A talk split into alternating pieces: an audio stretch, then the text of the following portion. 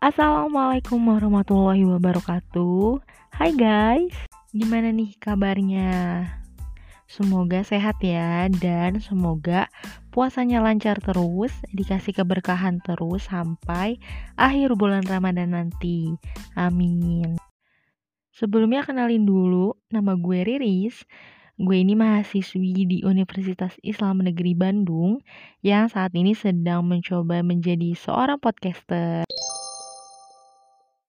Selamat datang buat teman-teman semua, buat semua pendengar di podcast kesukaan kamu. Kupas tuntas hal-hal menarik kesukaan kamu. Nah, di podcast kesukaan kamu ini kita bakal bahas banyak banget hal-hal yang jadi favorit kamu nih.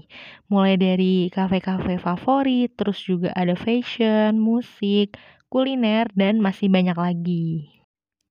Di episode pertama ini kita bakal bahas lagu-lagu favorit kesukaan kamu banget nih. Dan kayaknya udah familiar banget ya, soalnya emang terkenal banget sih tiga lagu ini. Langsung aja kita mulai dari lagu yang pertama. Oh iya, sebelum kita masuk ke lagu pertama, di episode ini kita bakal kupas tuntas mulai dari penyanyinya sampai makna di balik lagunya. Nah, langsung aja ya kita ke lagu yang pertama.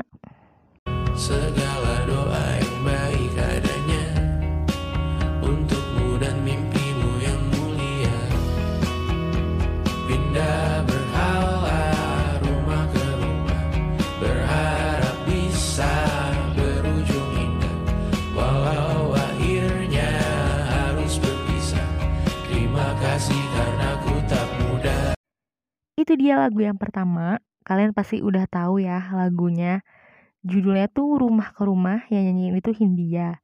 Genre lagu ini tuh indie. Pertama kita bakal bahas tentang Hindia. Siapa sih sosok di balik Hindia itu?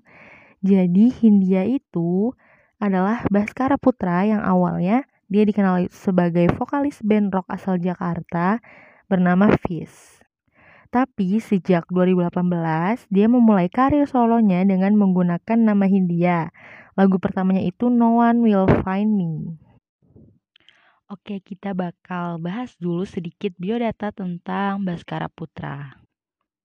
Nama lengkap Daniel Baskara Putra adalah penyanyi dan penulis lagu asal Indonesia. Ia adalah vokalis grup musik Fizz, namun juga merilis musik solo dengan nama Hindia. Dia lahir pada tanggal 22 Februari tahun 1994 di kota Jakarta. Ia bergabung dengan Fizz sejak tahun 2012.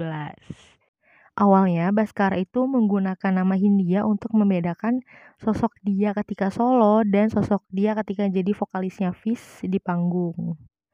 Tapi sekarang tuh orang jadinya manggil itu Hindia, Mas Hindia, Mas Hindia bukan Baskara karena emang udah terkenalnya jadi Hindia. Nah, selanjutnya kenapa sih Baskara milih nama Hindia? Jadi alasannya itu ketika dia searching nama Hindia di Google, yang keluar itu adalah Hindia Belanda. Zaman-zaman kolonialismenya Belanda, zaman-zaman kelam ketika Belanda di Indonesia. Jadi, Baskara ini pengen semoga ketika orang-orang searching kata Hindia di Google yang keluar itu adalah sosok Baskara dan hasil-hasil karyanya. Nah, unik banget kan alasannya. Jadi itu tuh sejarah di balik nama Hindia. Kita lanjut ke makna dari lagu Rumah ke Rumah. Jadi, lagu Rumah ke Rumah ini menceritakan tentang perpindahan hati yang dianalogikan sebagai rumah. Jadi setiap rumah itu memiliki ceritanya tersendiri, ciri khasnya sendiri, dan kenangannya tersendiri. Dan juga setiap rumah itu pasti punya pengaruh di hidup kita yang pastinya nggak bisa dilupain ya, walau kita tuh udah berganti dari rumah ke rumah lain. Nah, rumah ke rumah ini tuh dianalogikan kan sebagai seseorang ya. Jadi seseorang itu tuh punya dampak langsung atau tidak langsung kepada diri kita. Makanya istilahnya itu dari rumah ke rumah, dari hati ke hati, dari orang ke orang. Di lagu ini juga Hindia itu menyelipkan banyak nama-nama nih. Jadi nama-nama itu tuh nama-nama yang e, menjadi rumahnya dia dalam masa ke masa yang menjadi cerita hidup dia gitu. Lalu ada juga Hindia menuliskan di description box e, lagunya di YouTube Rumah ke Rumah yang dituliskan yaitu banyak yang mengartikan Rumah ke Rumah sebagai lagu eksklusif hanya tentang percintaan dan berpasang-pasangan. Namun Rumah ke Rumah lebih dari itu. Lagu ini itu memberikan hak kepada pendengarnya untuk memaknai lagu tersebut uh, sebagai haknya masing-masing, terutama ketika karya itu sudah masuk ke ranah publik. Nah, itu tadi guys, lagu yang pertama. Gimana sih? Keren banget ya lagu Hindia itu. Pokoknya Rumah ke Rumah itu jadi salah satu lagu favorit yang harus kalian denger sih. Oke, kita lanjut ke lagu yang kedua. Dan dari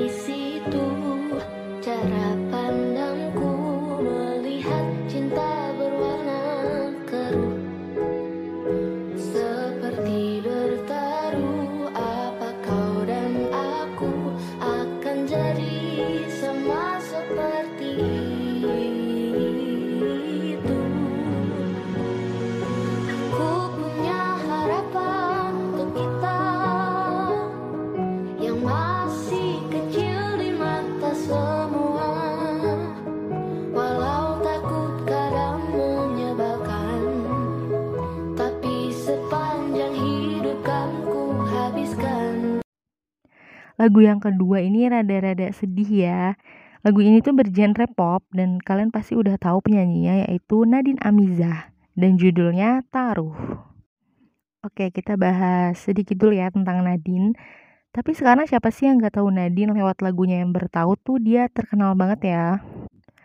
Nadine Amiza adalah penyanyi dan penulis lagu dari Indonesia, lebih tepatnya dari kota Bekasi yang lahir pada tanggal 28 Mei tahun 2000 di kota Bandung.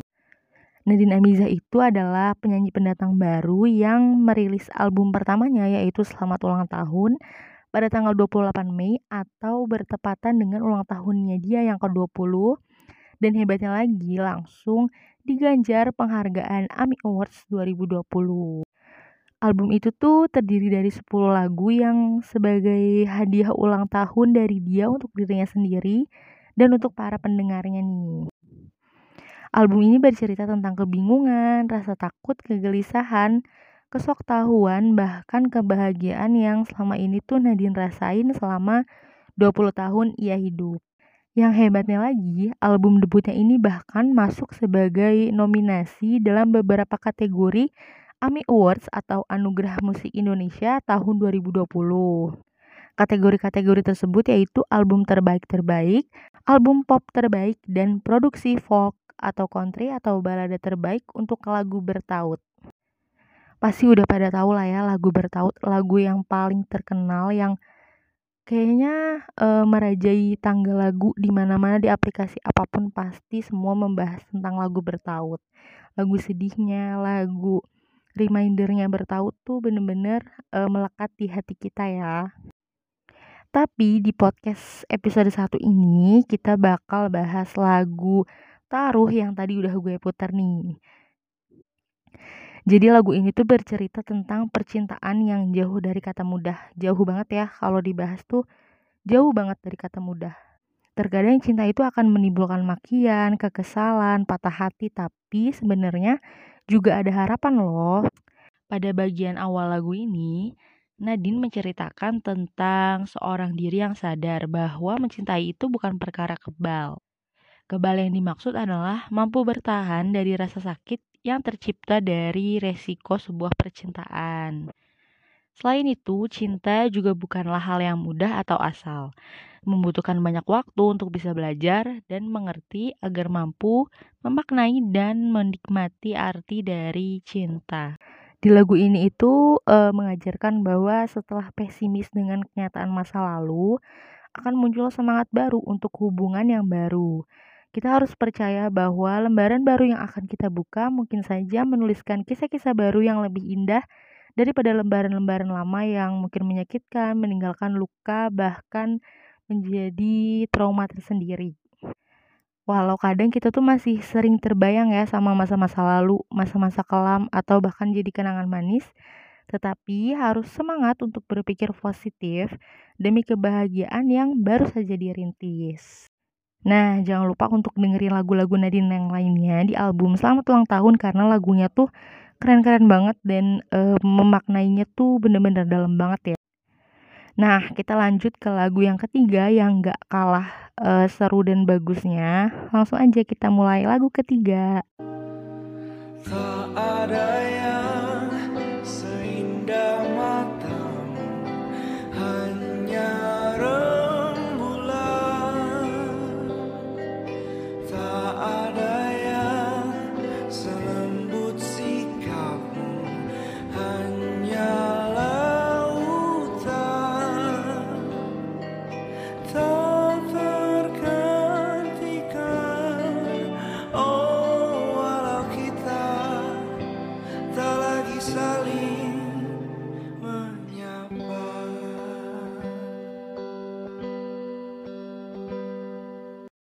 Itu dia lagu yang ketiga. Lagu yang ketiga ini genrenya pop yang berjudul Pilu Membiru dari Mas Kunto Aji. Kita bakal bahas dulu ya biografinya. Kunto Aji Wibisono lahir di kota Yogyakarta tanggal 4 Januari 1987 adalah seorang penyanyi berkebangsaan Indonesia yang melejit lewat acara pencarian bakat Indonesian Idol pada musim kelima. Kunto Aji jadi finalis keempat pada ajang itu dan dia memulai debut singlenya yaitu Terlalu Lama Sendiri pada tahun 2014. Nah, lagu Pilu Membiru ini instrumennya tuh cukup menyayat hati dan eh, apa ya menyentuh hati kita untuk mm, bersedih dan mengingat-ingat mengingat-ingat diri untuk introspeksi ya. Nah, dengan instrumen yang menyayat hati dan narasi yang menggugah jiwa nih, lagu ini tuh sebenarnya dibuat untuk mengkampanyekan kesehatan mental loh. Keren banget ya. Bahkan Mas Kunto itu menggandeng seorang psikolog dalam bidang pemulihan batin untuk menambah keelokan dari lagu ini. Makna dari liriknya ini nih, kamu akan nemuin bahwa menangis itu bukanlah hal yang dianggap yang aib atau sesuatu yang memalukan. Menangis itu adalah kewajaran bagi manusia siapa pun karena itu tuh adalah bentuk mengekspresikan tekanan jiwa seseorang yang lelah dalam menghadapi persoalan-persoalan hidup. Bahkan yang dimaksudkan tidak sehat tuh adalah jika kita malah memendam emosi secara dalam dan berubah menjadi seseorang yang kontraproduktif atau jadi membunuh keproduktifan kita. Seperti contohnya nih overthinking. Pasti banyak banget dari semua teman-teman pendengar podcast gue yang sering banget overthinking, yaitu kecemasan berlebihan atau bahkan depresi pada seseorang. Intinya lagu Kunto Aji ini mencoba untuk menghapus stigma nih di masyarakat yang menganggap bahwa menangis itu adalah tanda kelemahan seseorang, kelemahan batinnya dan kerapuhan jiwanya. Nah, musik ini atau lagu ini itu memiliki kekuatan dari liriknya, dari instrumennya, yang mengajak pendengarnya untuk bisa melepaskan kejenuhan, kesedihan, biar jadi tenang gitu melalui air mata. Yuk guys, kita ingat bahwa setiap orang itu memiliki kesedihannya masing-masing, senangnya masing-masing. Jadi jangan terlalu sering membandingkan diri kita dengan orang lain, membandingkan pencapaian kita atau bahkan eh, hal-hal yang sudah didapat. Jadi jangan selalu membandingkan diri kita ya. Perlu diingat bahwa waktu akan dengan sendirinya menjawab hal-hal yang belum ada jawabannya. Hal-hal yang selalu ini teman-teman pertanyakan. Oleh karena itu, jadi hargailah waktu kita saat ini. Semua proses, semua tahapan dalam hidup kita harus dihargai dan dijalani dengan semaksimal mungkin. Terakhir nih, closing statement. Hidup itu bukan perlombaan, namun maraton. Bagaimana untuk menjadi lebih baik di hari esok? Nah, itu tadi makna dari lagu Pilu Membiru. Keren banget ya. Pokoknya lagu-lagu tadi yang udah kita bahas di podcast kesukaan kamu itu lagu-lagu favorit yang gak cuman favorit tapi emang maknanya itu bagus banget. Mulai dari tentang cinta sampai kesehatan mental.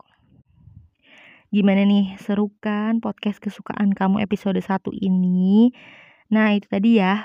Cukup sampai situ dulu episode 1 kita. Sampai ketemu di episode selanjutnya. Nah, kira-kira serunya bahas apa lagi ya? Jangan lupa buat kalian yang mau request, email ke kesukaan kamu at gmail.com atau langsung aja DM di Instagram at kesukaan.kamu.